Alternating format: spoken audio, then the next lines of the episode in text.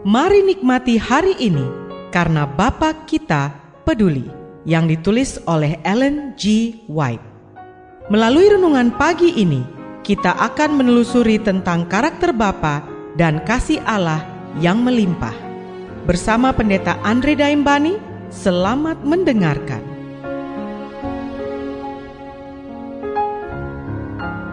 Shalom, selamat pagi saudaraku.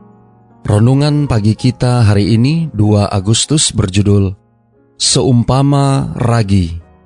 Ayat intinya diambil dari Matius 13 ayat 33. Demikian firman Tuhan. Dan ia menceritakan perumpamaan ini juga kepada mereka. Hal kerajaan sorga itu seumpama ragi yang diambil seorang perempuan dan diadukkan ke dalam tepung terigu tiga sukat sampai hamir seluruhnya.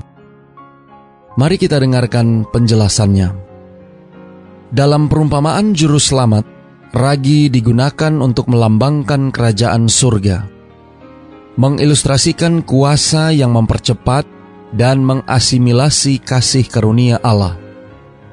Kasih karunia Allah harus diterima oleh pendosa sebelum ia dilayakkan untuk kerajaan kemuliaan semua budaya dan pendidikan yang bisa diberikan dunia akan gagal membuat anak berdosa yang sudah merosot menjadi anak kerajaan surga.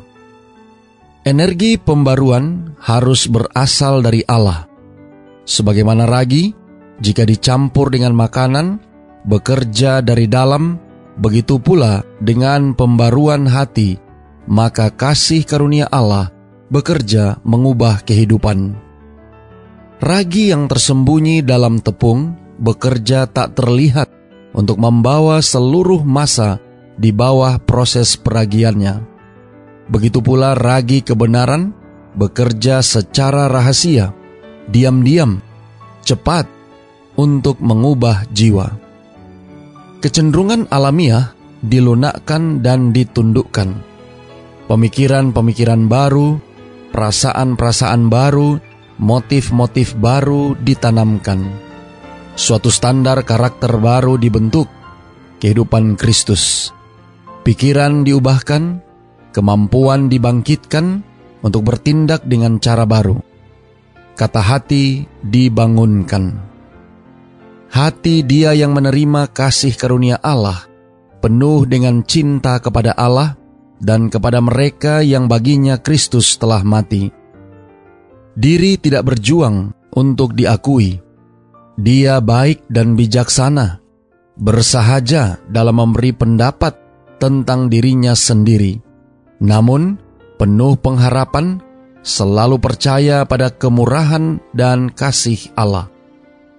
Saudara-saudara yang kekasih di dalam Tuhan, kasih karunia Allah harus mengendalikan watak dan suara. Hasil kerjanya terlihat dalam kesopan santunan dan sikap hormat yang diperlihatkan saudara kepada saudaranya dalam perkataan yang baik dan menghibur. Kehadiran malaikat ada di rumah itu. Kehidupannya mengeluarkan aroma wewangian yang naik kepada Allah sebagai pedupaan suci Kasih diwujudkan dalam kebaikan, kelemah lembutan, ketekunan, dan panjang sabar. Air muka diubahkan. Kristus yang tinggal di dalam hati bersinar pada mereka yang mengasihi dia dan menuruti perintahnya. Sementara perubahan-perubahan ini terjadi, para malaikat bernyanyi dan Allah serta Kristus bersuka cita atas jiwa-jiwa yang dibentuk menyerupai ilahi.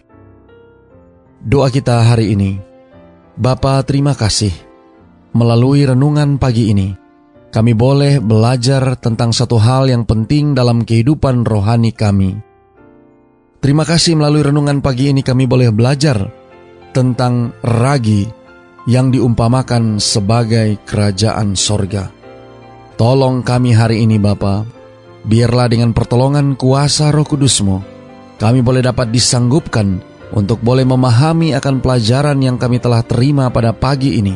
Bagaimana kebenaran dapat bekerja secara rahasia, diam-diam namun cepat untuk mengubah jiwa semakin hari semakin menyerupai Kristus. Terima kasih Bapa. Inilah doa dan permohonan kami kepadamu.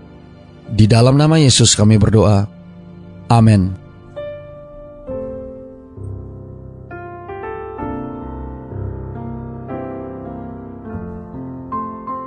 Demikianlah tadi pembahasan tentang Bapa Kita Peduli. Semoga firman Tuhan hari ini dapat menjadi berkat bagi Anda. Sampai jumpa, Tuhan memberkati.